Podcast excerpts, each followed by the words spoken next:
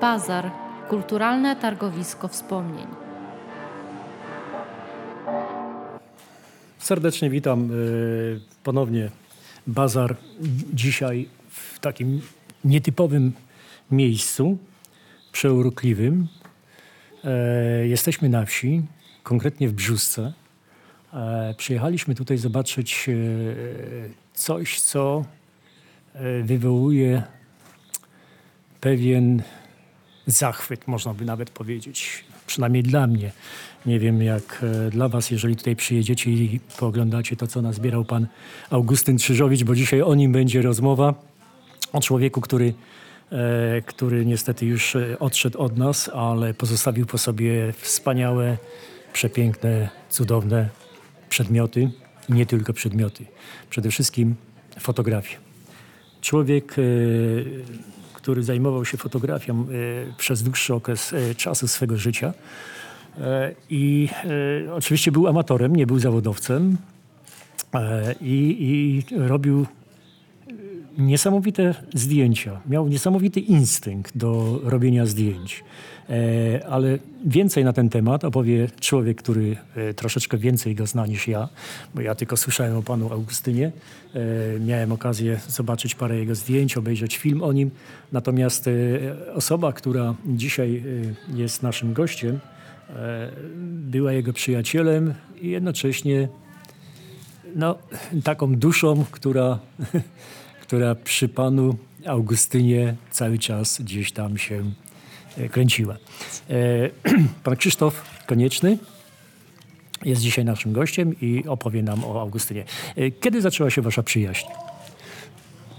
Najpierw zaczęła się nasza znajomość, to znaczy przyjaźń była przede wszystkim między moim ojcem a Augustkiem, bo nikt inaczej nie mówił na Augustyn to jest, takie, to jest takie imię na potrzeby mediów. W całej okolicy wszyscy mówili Gustek i ja, mimo że nie będę używał formy pan, bo, bo zawsze do niego mówiłem przez pan, ale Gustek jest rzeczą rozpoznawalną. Ja, ja go pamiętam, jak miałem 5 lat. Ja tylko chcę się zapytać, e, czy ta przyjaźń była związana z fotografią, czy związana nie. z e, życiem na wsi? Nie, absolutnie nie. To znaczy, Gustek przyjeżdżał do mojego ojca, który był kowalem, takim ostatnim kowalem w okolicy. Oni zawsze coś tam majstrowali, robili, e, zawsze mieli coś tam do zrobienia. Chyba sobie też dość dobrze żyli.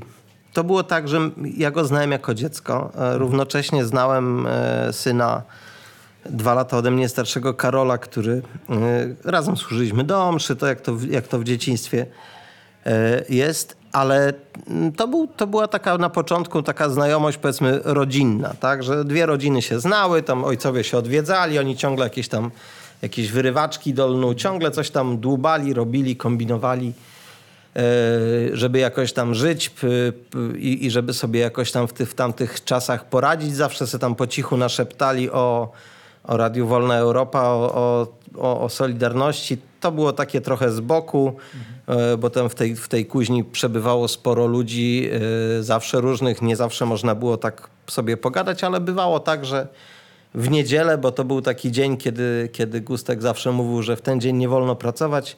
Oni gdzieś tam wtedy w tej kuźni we dwóch sobie siadali. E, tylko był taki dysonans, że ojciec mój wtedy palił, a Gustek chyba już nie palił. E, i go strasznie denerwowało i, i, w ogóle nie mógł przeżyć, że w tej kuźni się tak dymi. I, i od tego się zaczęło i, i to były takie znajomości. Yy, pamiętam, że tym nawet tym dużym Fiatem gdzieś tam nie, ktoś tam umarł u nas w rodzinie i, i, i, i nawet wracałem do domu w nocy, pamiętam miejscowość Wilczków. To takie zupełne nie wiadomo skąd. I później była przerwa, oczywiście yy, myśmy się widywali czy w kościele, czy, czy gdzieś tam e, w okolicy, ale nie było, nie, nie, ja nie wiedziałem w ogóle o tym, co, co za chwilę wybuchnie. I któregoś dnia e, ja już wtedy byłem na biologii, studiowałem biologię i e, syn Karol powiedział mi, mówi Krzysiek, a nasz dziadek, czyli ojciec Augustyna, mówi, miał takie notesy i w tych notesach notował przyloty bocianów. Ja się wtedy już zajmowałem trochę bocianami, trochę też innymi rzeczami i myśmy dotarli do tych notesów, spisaliśmy wszystkie informacje, e, które zbierał pan Władysław Okazało się, że to są informacje od lat 40., od, od 46 roku do 80 bodajże trzeciego. Okazało Czyli się, od momentu, kiedy tutaj przyjechali tak, na te okazało się, że te dane w tej chwili, myśmy, myśmy te dane pod nazwiskiem pana Władysława opublikowali w Ptakach Śląska. E, Pojawiły się też te informacje w takiej monografii o bocianach, dlatego że mało kto co roku notował, miał takie dane, a w tej chwili koledzy z Uniwersytetu Wrocławskiego e, mocno się e, że tak powiem, wzorują na tych rzeczach, które robił pan Władysław i zaczęli, zaczęli jak gdyby ciągłość tych badań. Tam były pytania, kiedy się pojawiły pierwsze żaby, one się wtedy inaczej nazywały. Nazywały się, to było pytanie o żabę brunatną, ale teraz wiemy, że chodziło raczej o ropuchę szarą. E, I, i, I tych pytań było dużo, kiedy przyleciała wilga, kiedy przyleciały różne inne rzeczy. Okazało się, że teraz przy zmianach klimatu, przy tych, przy tych całych naukowych e, dyskusjach o tym, co się dzieje, takie dane mają szczególne znaczenie. I to był ten moment taki, takiego pierwszego zetknięcia z historią, z tym, że coś tu się dzieje, coś tu jest. No myśmy oczywiście to opublikowali, pewnie gdzieś te czasopisma, bo, bo je poprzywoziłem, e, tutaj są. Później była taka krótka wzmianka w książce e, profesora Jakubca Bociany i Boćki w takim albumie. To była druga rzecz. I później był taki moment, kiedy pan Czyżowicz zaczął e, sadzić drzewka. To był taki przełom z takiego rolnictwa. Ja, ja zawsze myślę, że, że, że on że on w zasadzie to, że był rolnikiem, to, to raczej wynikało z takich uwarunkowań e, życiowo-rodzinnych i, i, i z tego, że chyba ojciec zawsze mówił, że trzeba mieć ziemię. Natomiast on e, to był taki człowiek, który moim zdaniem równie dobrze mógł wylądować na historii. Myślę, że powinien studiować. No, inne czasy były, ale myślę, że miał bardzo otwartą e, głowę do takich rzeczy. Które dopiero pod koniec zaczął, zaczął trochę e, lizać i opowiadać. I to był taki moment, kiedy pokazywał mi tam z tyłu posadzone pierwsze, pierwsze drzewka posiane, e, pokazywał jakieś tam jodły, również przywiezione jakieś nasiona z Ukrainy, z tego co, co ja pamiętam. I cieszył się, że mu to wychodzi mówi, ale wiesz co? Mówi, ja mam w szopie parę starych rzeczy, ja ci to pokażę. Ja mówię, jak to? Mówi, a mówi, wiesz co, czasem ktoś do nas przyjedzie, to jak dużo tych drzewek kupi, to ja mu czasem coś dam. I ja się wtedy strasznie zdenerwowałem. Mówię, jak to pan da? Co to, co to w ogóle znaczy, że pan pokazał mi to wszystko? Byliśmy w tam taka szopa, ma piękne światło, bo tam taka deski są pobite z centymetrową, z półcentymetrową przerwą. Jak słońce świeci po południu, to cała szopa była tak, tak w paski oświetlona w cudowny sposób i były te wszystkie stare sprzęty i, i ta tokarnia właśnie pana Władysława, jeszcze ojca. I, I ja mnie zamurowało. Mówię, no jak? Ma pan tyle tego sprzętu. E, No i wtedy, był, wtedy mi się od razu w głowie urodził taki pomysł, kurczę, fajnie byłoby z tego zrobić jakąś taką, jakieś takie miejsce do, do pokazywania. E, To, to trochę trwało, bo ja tak opowiadam, ale myślę, że to się wydarzyło 20 lat temu, tak? Gdzieś pod koniec 40, no może nawet 25. I to tak powoli, Chyba to było zbierane. Powoli nie, to było wszystko prawie nazbierane. Tych, te, te wszystkie rzeczy były. To były jeszcze rzeczy, krzesło, na którym siedzę. To były prawie wszystkie rzeczy przywiezione e, z tak zwanego zabuga jeszcze przez ojca i były uszanowane. I w pewnym momencie, kiedyśmy rozmawiali, rozmawiali, to się tak ten worek z prezentami otwierał i, i Gustek y, mówi, ale ja ci jeszcze pokażę, mój tato uczył się stenotypii, e, bo to też dziadek był taki e, otwarty, widać, że i on szukał, znał Esperanto w ogóle, to przecież chyba w całym powiecie nikt nie znał Esperanto, tylko no, myślę, że ta komuna i to wszystko powodowało, że tacy ludzie siedzieli trochę, trochę pod stołem skuleni, bo bali się, że ktoś ich tam, mieli to swoje życie, mieli dzieci i to było, to było ważniejsze.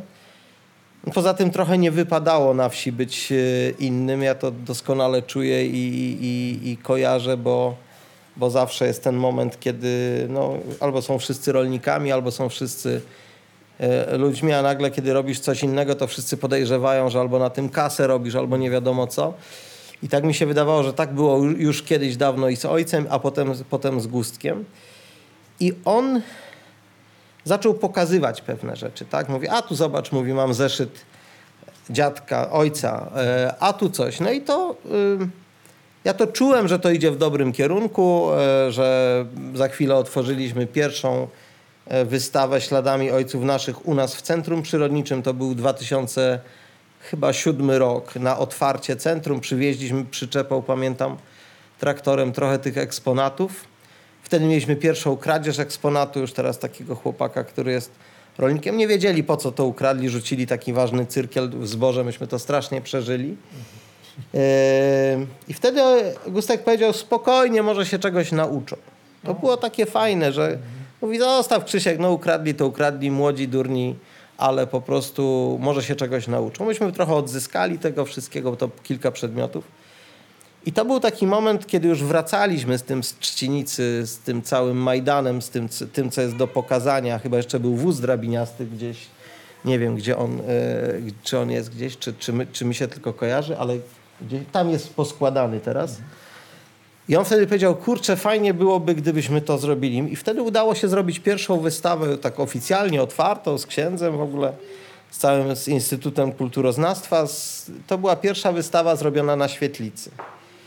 E, I to było fajne, bo świetlica była duża i, i pamiętam, tego nikt nie mówił, ale to możemy opowiedzieć, to znaczy e, Gustek się bardzo cieszył, że jest ta wystawa, ale później takie były głosy ze wsi, no, że może będzie komuś e, świetlica potrzebna, a jak tam jakaś babka umrze, to już wszyscy wiedzieli, która, to może nie będzie gdzie zrobić stypy.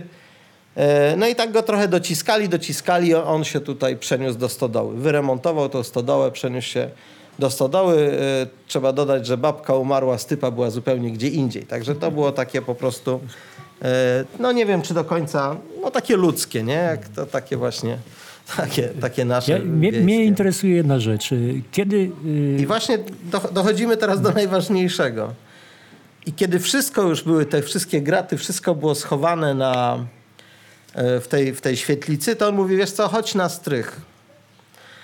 E, chodź na ten strych. Poszliśmy tam na samą górę na strych i mówi: Tu jest taki karton, może cię to zainteresuje.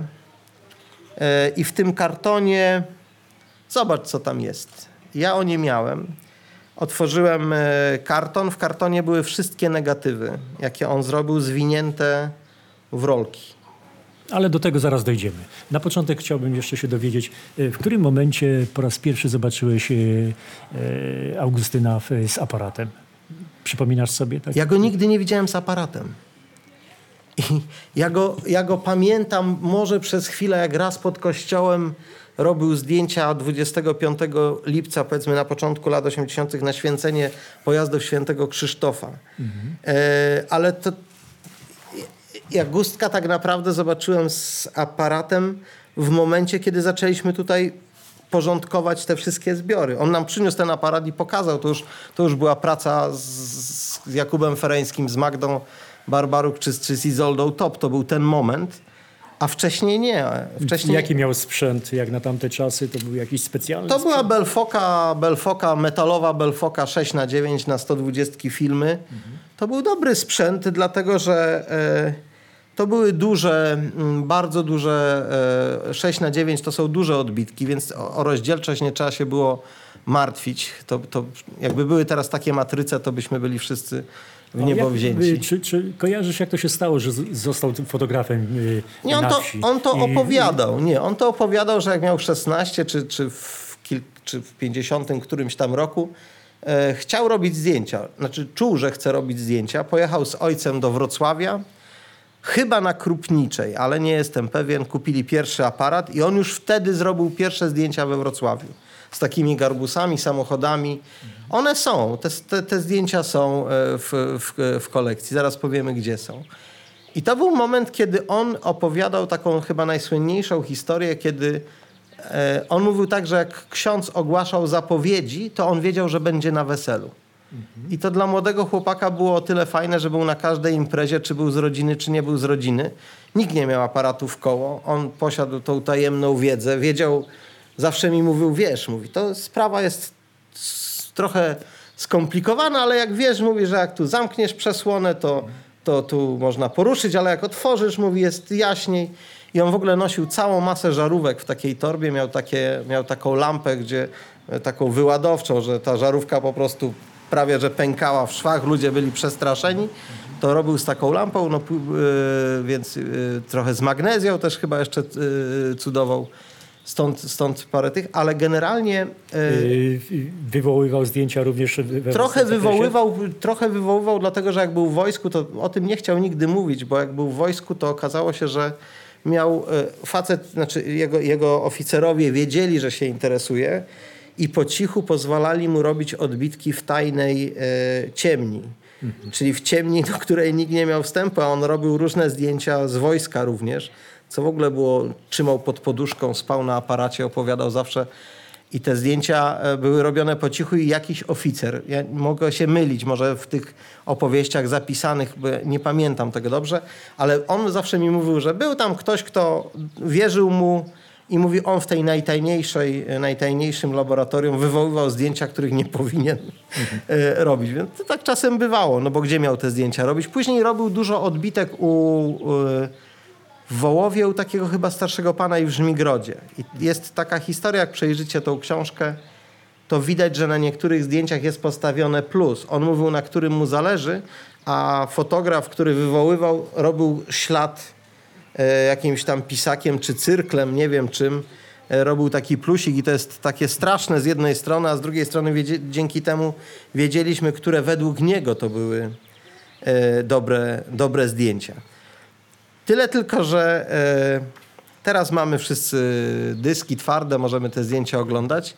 Kiedy ja dostałem ten karton do ręki, to pomyślałem sobie, Boże, e, co z tym zrobić i jak, jak do tego wszystkiego dotrzeć. Co...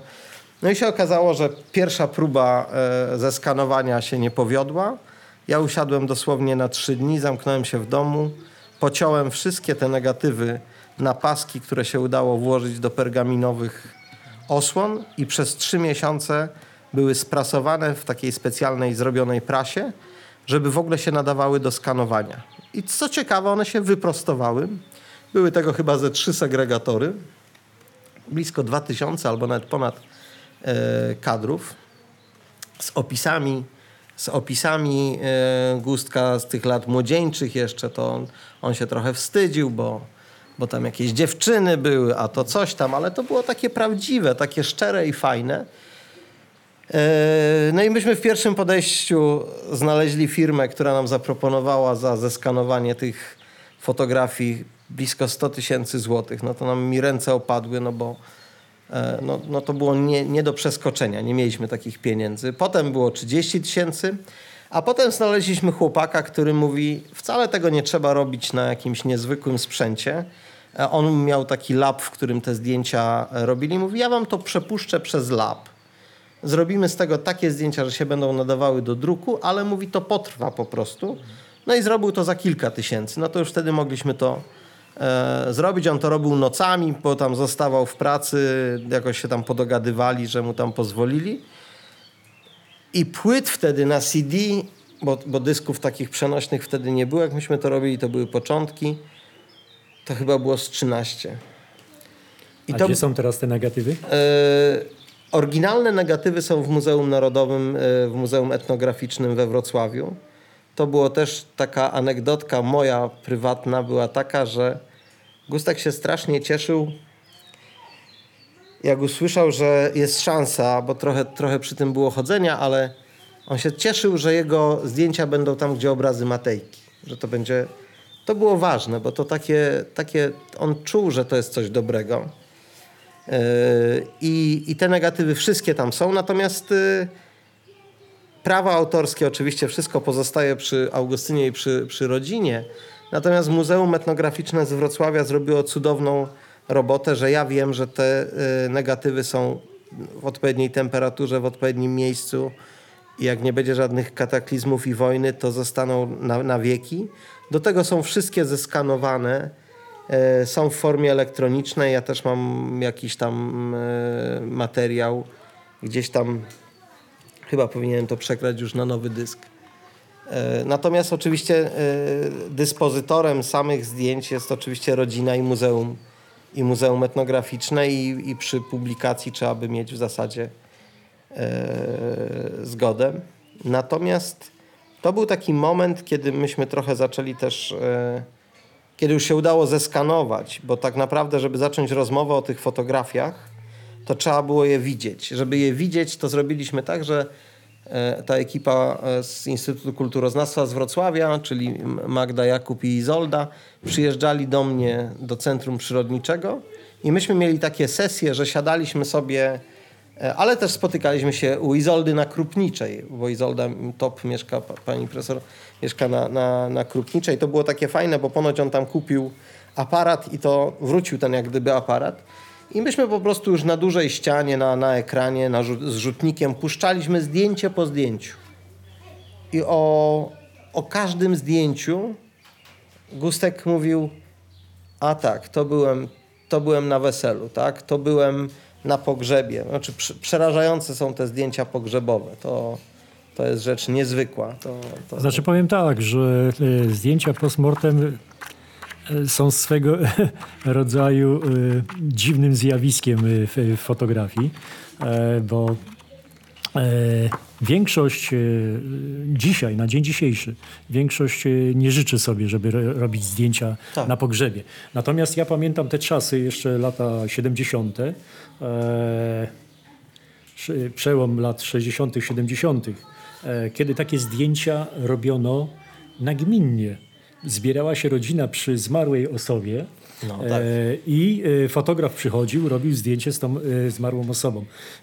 Mam nawet takie zdjęcie, kiedy mając chyba 7, może 8 lat, moja babcia zmarła i cała rodzina się zebrała przy tej trumnie i mamy taką fotografię właśnie postmortem zrobioną. E, razem e, z nieżyjącą już e, świętej pamięci babcią. I to wydaje się, że w tamtych czasach, w latach 60., 70., to była normalna rzecz. To, że osoba zmarła, wychodziła z domu dopiero po odleżeniu kilku dni i po, po tych modłach, śpiewach i tak dalej, przychodzili sąsiedzi, płaczki, śpiewały jakieś pie, pieśni żałobne. E, to też gdzieś tam w swojej pamięci e, mam zakodowane takie, takie sytuacje. E, natomiast tutaj z tych fotografii widzę, że Augustyn był takim fotografem, który praktycznie, no można powiedzieć, wręcz fotoreporterem. Zajmował się reportażem. On pokazuje tutaj praktycznie każdą cząstkę życia człowieka tutaj na wsi, nie? połączoną z, od narodzin aż po, po śmierć. Znaczy, chyba takie naj, najważniejszą rzeczą było to, że to nie były tylko zdjęcia ustawiane. Nie? Że to nie było tak, że tak jak dzieci do komunii, rządek, ksiądz w środku, czy tam pani na koniec roku, tylko był, zrobił całą naprawdę ogromną ilość fotografii, dokładnie takich teraz byśmy powiedzieli, że to jest takie street photo, nie? że to są takie łapane. Oni, oni również robili inscenizację. Jest taki słynny wypadek motocyklowy gdzieś tu w rowie w okolicy, gdzie oni udają takich po, porozwalanych i ten, i to były takie mistyfikacje, ale, były, ale generalnie to były takie zdjęcia reporterskie, raczej takie street photo, właśnie powiedziałbym teraz, gdzieś tam z cichacza takim małym aparatem zrobione, bo, bo, bo grali chłopaki w siatkówkę, bo orkiestra grała gdzieś tam pod starym pałacem, czy ktoś przyjechał bryczką. I to były takie no to były takie zdjęcia, których wtedy raczej nikt nie robił, bo raz, że to nie było tanie. Te zdjęcia nigdy nie były tanie, nie były powszechnie dostępne. E, wszyscy chcieli mieć zdjęcia. Jest też słynny autoportret, który on sobie robi. E, zdjęcie robi w Głębowicach u, u, u państwa Aleksandrowiczów w lustrze. I to jest taki młody, młody człowiek z aparatem. Bardzo fajne, bardzo dobre zdjęcie, takie w ogóle e, i technicznie, ale też no, fajny portret po prostu. Ono jest chyba gdzieś tam w tej książce. Mhm. Natomiast co najważniejsze, on do każdego zdjęcia potrafił opowiadać e, historię. To, to, nie było, to nie było zdjęcie znikąd, a że tam przy okazji coś zrobił. Natomiast w latach 80., jak się okazało, bo pamiętam Karola, który był trochę wtedy większy ode mnie, później ze zdjęć, czyli to musiały być lata 80. On zatęsknił trochę za tym, że, za odchodzącym światem i on bardzo chciał zdążyć zrobić jeszcze, że na przykład zboże e, zboże koszo, koszono snopowiązałkami, zanim weszły kombajny. I to było tak, że na polu kosiły kombajny, ale on całą rodzinę zagonił e, i kosił kosą i tam porobili te przewrósła. I jest takie zdjęcie, gdzie e, on mówił, że to jest takie trochę... To, to była ta tęsknota za czymś, co odchodzi i, i takie rzeczy takie rzeczy też były. Także opowiadał taką, no taka fajna historia była, że tu były w okolicach trzy szkoły, tak? Była szkoła w Rudawie, Stryjnie i w Białawach i on, wszystkie dzieci kończyły szkołę w ten sam e, dzień i wszystkie panie zaprosiły go do każdej szkoły, żeby zrobił zdjęcie, bo nikt wtedy nie miał aparatu i on opowiada, że opowiadał, że już pędził z jednej szkoły do drugiej, gdzieś się tam na jakiejś wierzbie rozwalił rowerem i dopiero na drugi dzień e, robili zakończenie roku w jednej szkole. Czekali na fotografa. Czekali na fotografa. Kto by teraz czekał na fotografa? Także teraz dzieci mają milion zdjęć z jednego dnia i, i, i robią selfie, ale znaczy to, ten jego portret to jest takie pierwsze selfie tutaj w okolicy. E, I i, i nie, nie widzę tutaj, e, akurat na ścianach tego nie ma, ale, e, ale to, to, to tak wygląda. Także myślę, że, myślę, że zrobił dla, dla okolicy ogromny prezent. To znaczy, jeśli się go tak. To znaczy nie tylko okolica tutaj zawdzięcza mu dużo, bo ta fotografia to jest taka uniwersalna. Ja pamiętam wieś kielecką na przykład, e, gdzie spędziłem y, jakiś czas i te zdjęcia, które tutaj y, widzę, niczym się nie różnią od tego klimatu, który, który tam gdzieś kilkaset kilometrów stąd e, miał miejsce, którego doświadczyłem tego klimatu. E, Także wydaje mi się, że to jest tak, e, te, ta fotografia jest tak uniwersalna, pokazuje życie wsi e, w bardzo uniwersalny sposób. E, Jednocześnie no, bezcenna, bo e, takich fotografów, którzy się zajmowali tego typu e, tego typu notowaniem codzienności, życia codziennego na wsi, no, jest niewielu. No, jest niewielu i. a do tego ludzi, którzy byli ze wsi i, i robili wieś, no to było chyba jeszcze mniej. Podejrzewam, że jest chyba jedynym, jedynym takim Ktoś, fotografem, znaczy są, który... oczywiście są, ale to. y, y, Ale chodzi mi o to bogactwo, Tak. to co tutaj się dzieje. Tak. Bo on nie, nie ogranicza się do jakiegoś jednego tematu, ale pokazuje praktycznie wszystko.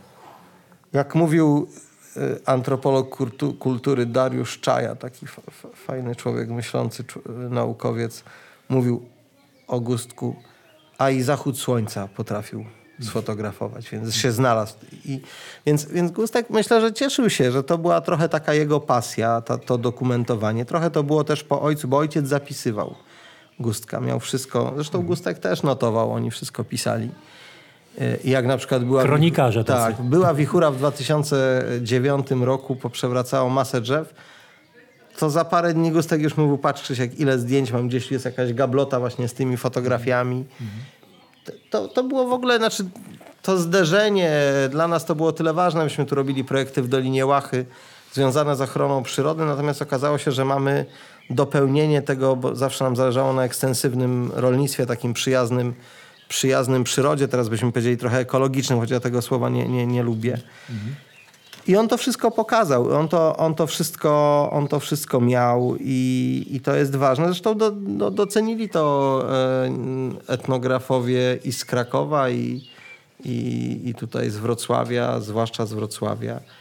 Także no, myślę, że to jest kawałek historii takiej opowiedzianej. Z tym, że dobrze było mieć to szczęście, żeby go mieć przy zdjęciach. To znaczy, to, to co Gustek opowiadał, on się czasem e, lubił zastanowić, czasem, czasem wszystkiego nie powiedział. To znaczy, myśmy zawsze czuli, że tych historii jest więcej, a czasem było tak, że ekipa z Wrocławia wyjeżdżała i on mi tłumaczył, no, no nie mogłem tego powiedzieć, no bo tutaj sąsiad, tu sąsiadka, to różnie było. I po, poza tym y, to było tak, że y, tak mi się wydaje, że on się poczuł fotografem, takim, takim fotografem trochę zawodowym, dopiero wtedy, kiedy już przestał robić zdjęcia na stare lata, to znaczy kiedy pewnie w wieku 70 paru lat poczuł, że, y, że, to jest, że to jest to jego miejsce i on on bardzo mocno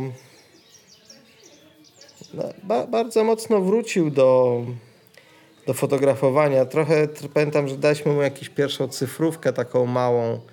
To on trochę sobie tym strykał jeszcze zdjęć, ale tak zawsze mi mówił, że, że on bardziej czuł ten aparat, nie? że jak brał do ręki Belfokę, no to, to czuł, że, yy, no, że, że, że robi zdjęcia. To... Tak.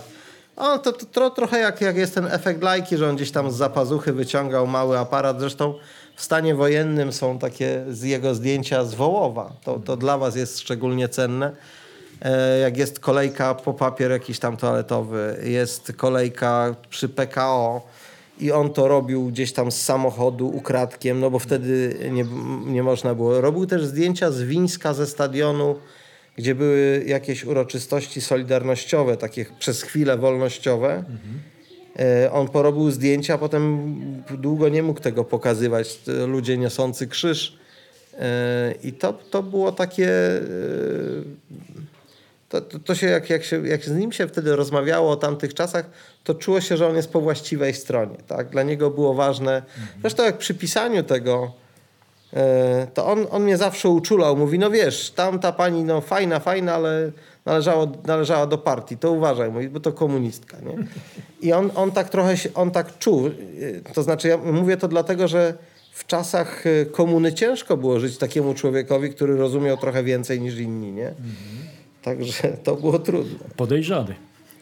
Mógł być podejrzanym. Mógł być podejrzany. A jeszcze, jeszcze jeżeli robił fotografię, to już tym bardziej mógł być podejrzanym. No tak, ale trzeba pamiętać jeszcze jedną rzecz. To był facet, który się rzucał mocno w oczy. To znaczy, to był bardzo rosły człowiek. E, wielu ludzi, których później tutaj przywoziłem, po latach, e, ludzi, którzy siedzieli w kulturze, e, to oczywiście patrzyli na zdjęcia, wszystko, ale 90% kobiet, które go widziałem, mówiły, że on miał tak wielkie ręce, mhm. Że wszyscy zapamięta, zapamiętywali jego dłonie, że, że, że Gustek miał dłonie jak bochny chleba. I to mhm. było takie, i te dłonie zawsze były takie otwarte. Nie? On jak już się wkręcił w opowiadanie, bo na początku zawsze był ten dystans. Nie? Mhm. Ze studentami już było lżej, przywoziliśmy mu studentów, to on już miał, że tak powiem, trochę to y, przećwiczone. Tak? Pierwszy autobus, drugi, no to parę tysięcy ludzi. Y, nigdy nie chciał wziąć pieniędzy żadnych, bo mówi, no jak? Mówi, to, to on się cieszy, że do niego przyjeżdżają, to jakie pieniądze? Mhm. To mówi, to nie ma sensu. To, to, to on nie chce tego robić. Więc to było takie strasznie szczere i to na te czasy, no to pewnie już by było, nie wiem, no, milion Instagramów i nie wiadomo czego. Natomiast on chciał mieć kontakt z ludźmi, tak? On się cieszył, że to, co robił przez lata, zapewniało mu później kontakt z ludźmi i, i że ci ludzie tu przyjeżdżali, że on łapał, łapał taki ich, znaczy brał tą młodość od tych ludzi przyjeżdżających, ale też przyjeżdżali różni inni, też e, starsi panowie czy starsze panie, było dużo sentymentów, to oni se tam to myśmy wtedy stali z otwartymi buziami i patrzyliśmy, jak oni opowiadają o, o jakichś tam imprezach. Czasem ktoś przyjeżdżał nie wiadomo skąd, okazywało się, że jego babcia e, gdzieś tu była, jest taki bęben gdzieś tu na górze. Przyjechał chłopak z Austrii i popatrzył, popatrzył na to wszystko i mówi my zaraz wracamy, nie? To było w niedzielę i my jedziemy do Austrii, ale po drodze do pana wrócimy i przywieźli bęben. Nie? Taki po prostu stary drewniany bęben dziurawy. I, i, I to było takie fajne, że ludzie po prostu czuli, że, że trzeba tutaj coś przywieźć. Tak? No tam też stoi, ja kiedyś przywiozłem śrutownik, nie wiem dlaczego, ale był u nas przez lata niepotrzebny i mówię, no kurczę, no można na złom wziąć 20 zł, ale lepiej niech on tu zostanie. I później wiele osób jeszcze mu trochę tych rzeczy dowiozło. Jego marzeniem były te brony. Nie wiem skąd on je wytrzasnął, ale zawsze chciał mieć bronę i chyba gdzieś z Wielkopolski ktoś mu, czy on kupił, czy ktoś mu przywiózł, ale miał takie marzenie, żeby były brony. Zresztą to były takie brony, na których robiono te pierwsze gniazda, gniazda dla bocianów i, i to, to było też dla nas takie ciekawe. Także to był gustek, to znaczy on miał charyzmę, on potrafił przyciągnąć głosem tych ludzi, nawet młodych ludzi, bo, bo wiadomo, że oni teraz się czymś innym interesują. I generalnie, jak mówił, to nikt nie używał smartfona.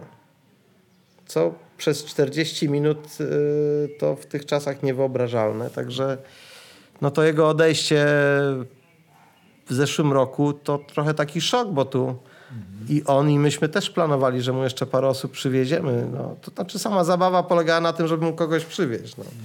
Znaczy ja myślę, że jak się wejdzie tutaj do, do, do, do tego miejsca, to ten duch jest. Czuje się tą atmosferę tego, y, tego kogoś, kto y, nad tym y, panował i, że tak powiem, to zbierał. Nie? Dla mnie tacy ludzie są bezcenni bo e, pomimo, tego, po, e, pomimo tego, że oni tworzą jakąś tam historię, nie, opowiadając e, różne, różne e, opowieści e, ze, ze, swojej przeszłości, e, zbierając różnego rodzaju przedmioty. Dla kogoś może ten przedmiot nie mieć żadnej wartości, ale zawsze się znajdzie jakaś osoba, która przyjedzie i, i zobaczy, zobaczy jakieś tam grabie, zobaczy te brony, czy ten cep nawet tutaj stojący, prawda? Od razu e, skojarzy mu się e, albo dzieciństwo, albo jeszcze jakaś inna sytuacja, która e, miała miejsce gdzieś w dawnych czasach. Także uważam, że takich ludzi jak Augustyn no rzadko, rzadko się spotyka w życiu. Warto, warto po prostu pielęgnować. On na dzisiaj tworzył, tworzył jakąś historię, a dzisiaj już jest historią. Znaczy, Augustyn już jest historią. Gustek na pewno przerósł swoje pokolenie. To znaczy on przez całe lata, on to trzymał, on to gromadził yy, i ten taki trochę wstyd, trochę nieśmiałość wiejska, bo tak trochę mamy wszyscy ze wsi, że jak jadę na konferencję do Warszawy, to ci z Warszawy piersi lecą, zjedzą, a my tak no trochę nie wypada, mamy ten taki dystans sami do siebie, że że ja, ja, zawsze mam z tym kłopot, jak widzę, że oni tak wszyscy lecą i tam nawet jak salceson leży, to wszyscy to tak szybko zjadają. I, i, I w Gustku też było to, że on tak nie chciał się wychylać. Nie będę brał pieniędzy, no bo jak nie wypada. Nie będę, no przecież tu nie mogę odmówić. No jakby ktoś bardzo chciał coś tutaj ze zbiorów, to on by pewnie oddał. To znaczy, to ja byłem tym takim dokręcającym. Mówiłem, to wszystko niech pan trzyma razem, bo to nie ma wartości finansowej, e, e, no bo nawet gdyby ktoś chciał to sprzedać na Allegro, to są, to, to, to są groszowe sprawy tak naprawdę. To ma ogromną wartość no, sentymentalną. To, to, ma, właśnie, miałem o tym Ogromną wartość jest, sentymentalną. To Mało tego, Gustek miał parę takich przedmiotów i patrzę na jeden z nich. Yy, on robił później już takie numery, że brał niektóre przedmioty do ręki i pytał się, co to jest.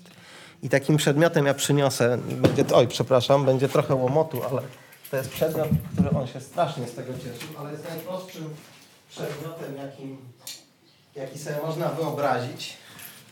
To on pytał się za każdym razem studentów, co to jest. Mhm. I no i studenci patrzyli na jakiś taki świerczek, kawałek chojaka takiego mhm. wyciętego i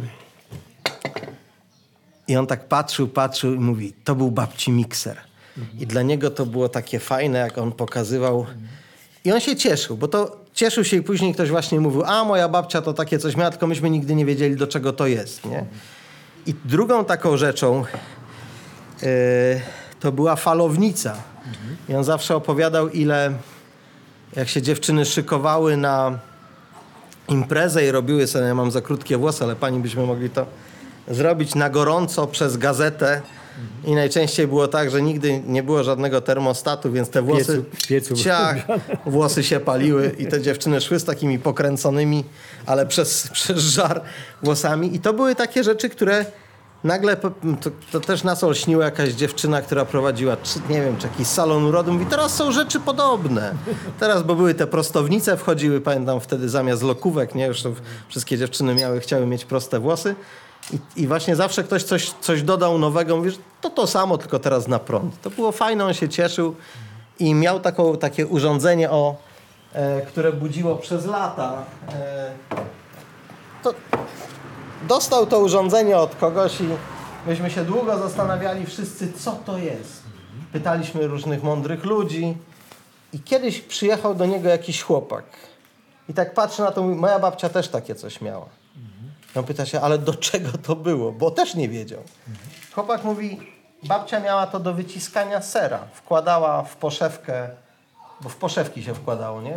Ser i w ten sposób dociskała, wyciskała kolejne, dociskali. To też było takie fajne, że, że to było takie miejsce, gdzie przyjeżdżali ludzie i dorzucali jakąś historię, tak? No to proste urządzenie, no dziwaczne. Ktoś by teraz na to patrzył, no to nie wiadomo, co to jest.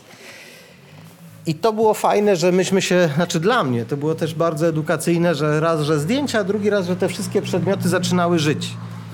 Także no mam nadzieję, że one ożyją kiedyś, że ktoś zrobi z tego jakieś warsztaty.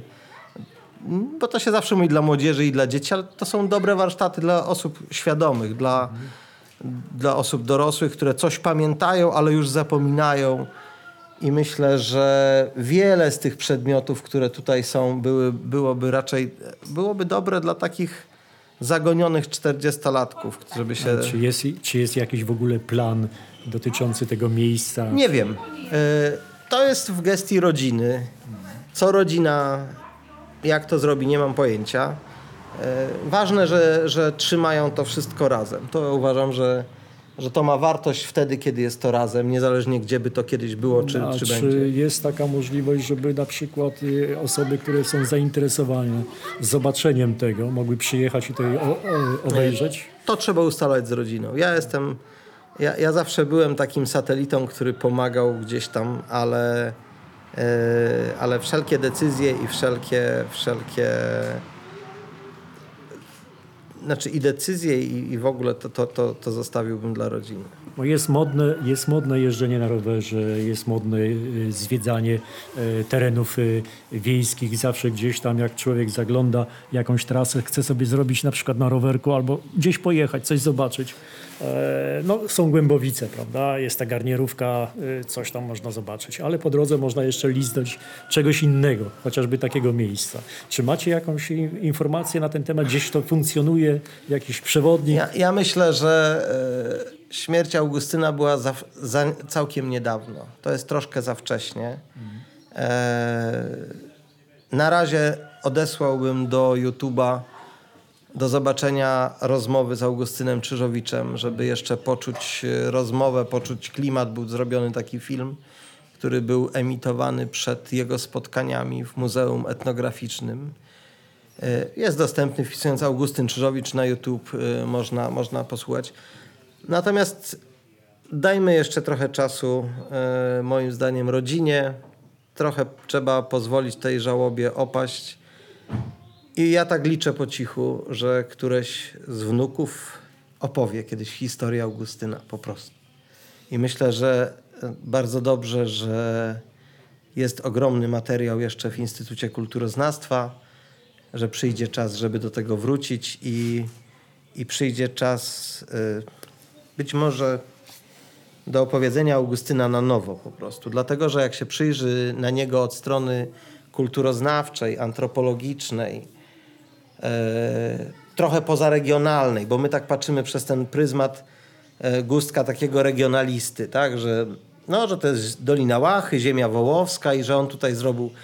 Natomiast jeśli popatrzymy od strony choćby mody, na tych zdjęciach są torebki, na tych zdjęciach są stroje, na tych zdjęciach są szczegóły, e, wózki, że widać, że się to zmieniało. Pamiętajmy, że większość tych zdjęć to są lata 50. i 60. To jest, to jest rozmrożony stalinizm yy, z takim przedprożem cie- ciemnego Gomułki, więc to, że on takie rzeczy robił w tym czasie i że, i, i, i że jakoś znajdował na to czas, pieniądze i, i ochotę, no to, to, to tym bardziej rośnie. W latach 80. w zasadzie już po, tej, po tym po stanie wojennym e, te potrzeby fotograficzne u niego trochę tak już e, zmalały. To znaczy mniej się działo, to się wszystko roz, rozluźniało, trochę, e, trochę to inaczej nie było tych filmów tyle i był, był problem, ale mówię, lata 50., 60. i 70.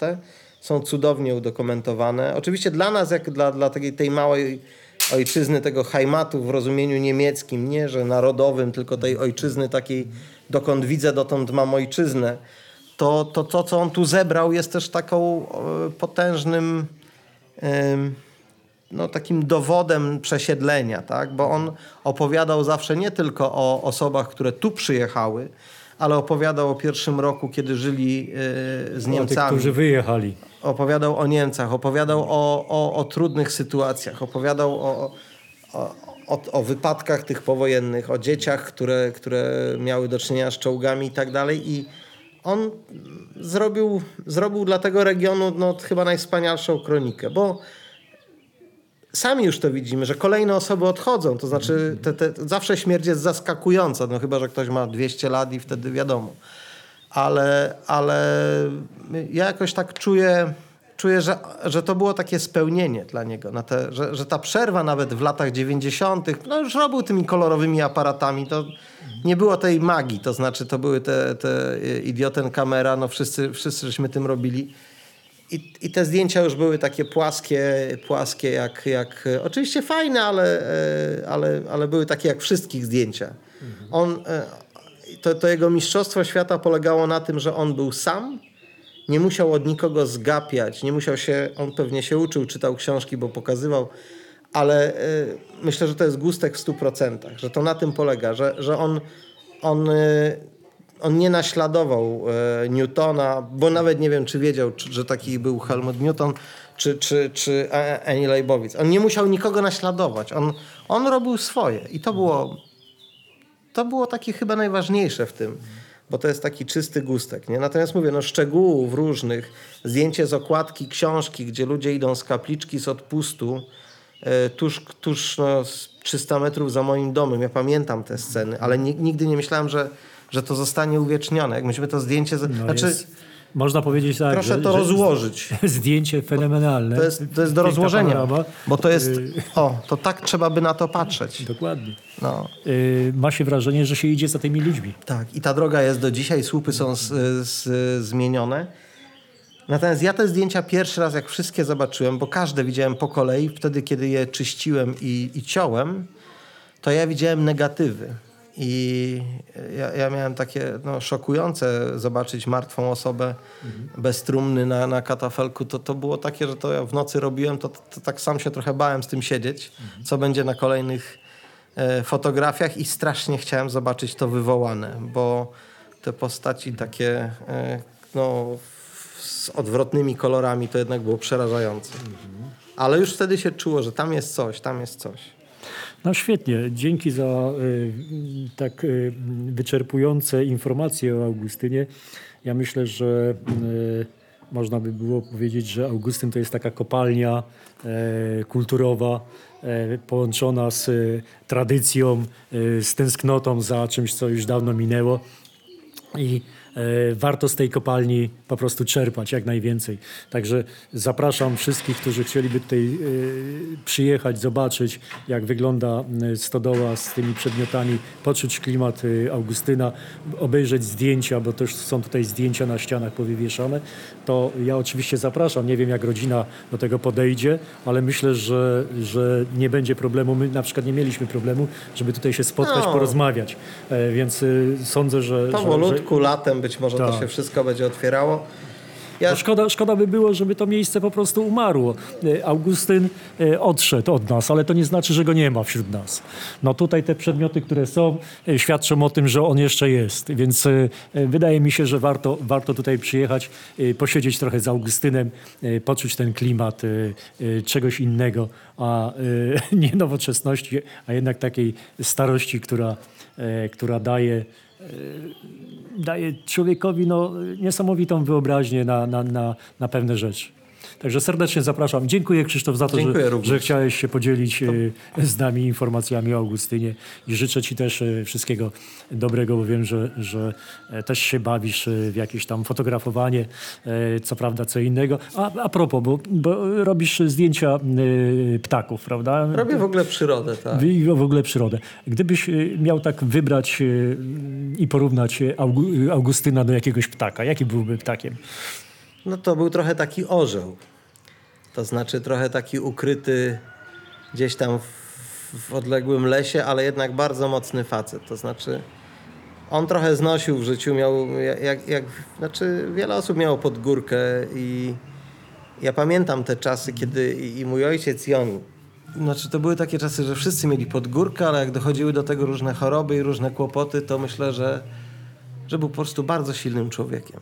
I nie w sensie takiego błyszczenia orła na ścianie, tylko takiego wytrwałego, cichego faceta, który, który jednak y, przez cały czas tego pilnował. Słuchajcie, zobaczycie orła, pamiętajcie, to Augustyn.